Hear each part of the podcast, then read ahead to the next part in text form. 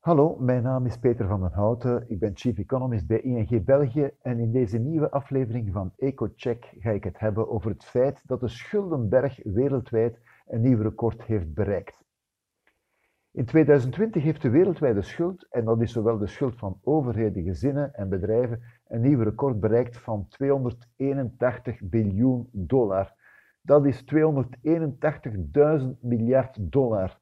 In de meer mature economieën bedraagt de schuld 205 biljoen dollar.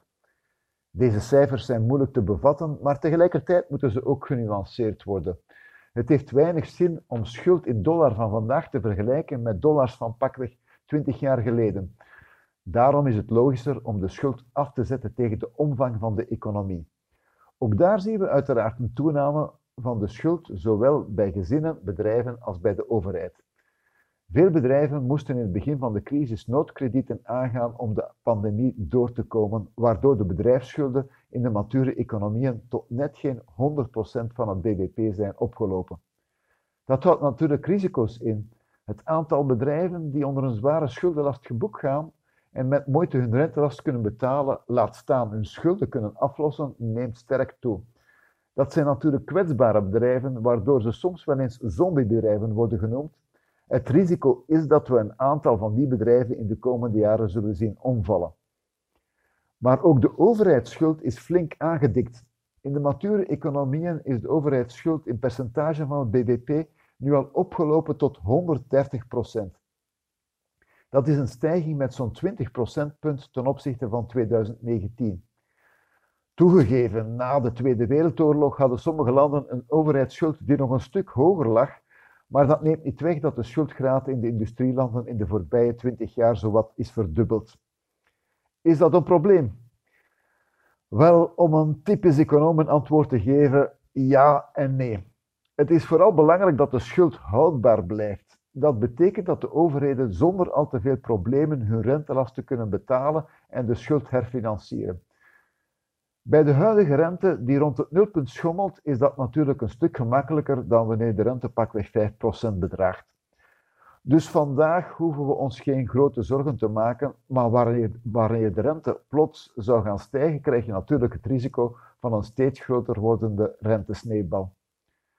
Daarnaast kan een hoge schuld een negatieve invloed hebben op de economische groei.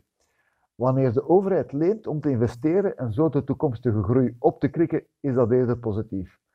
Maar meestal leent de overheid om de consumptie te ondersteunen, zoals we nu gezien hebben tijdens de pandemie.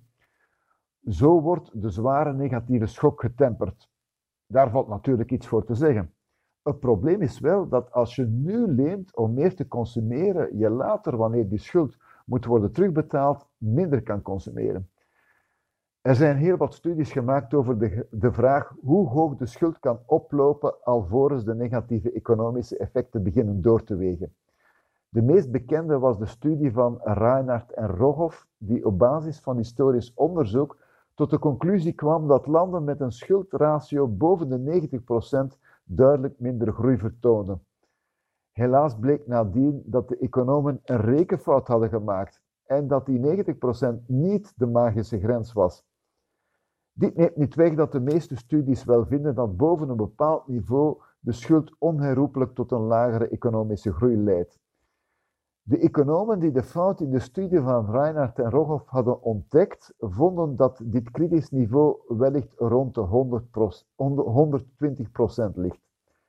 In heel wat landen zitten we vandaag al boven dat niveau. In België zitten we nog net niet aan 120% overheidsschuld.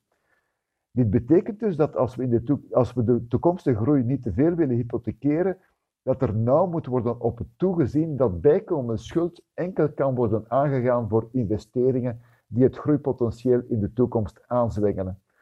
Dat is een hele uitdaging. Dat kunnen we alvast besluiten. Zo, dat was het dan. Bedankt voor het luisteren en graag tot een volgende keer.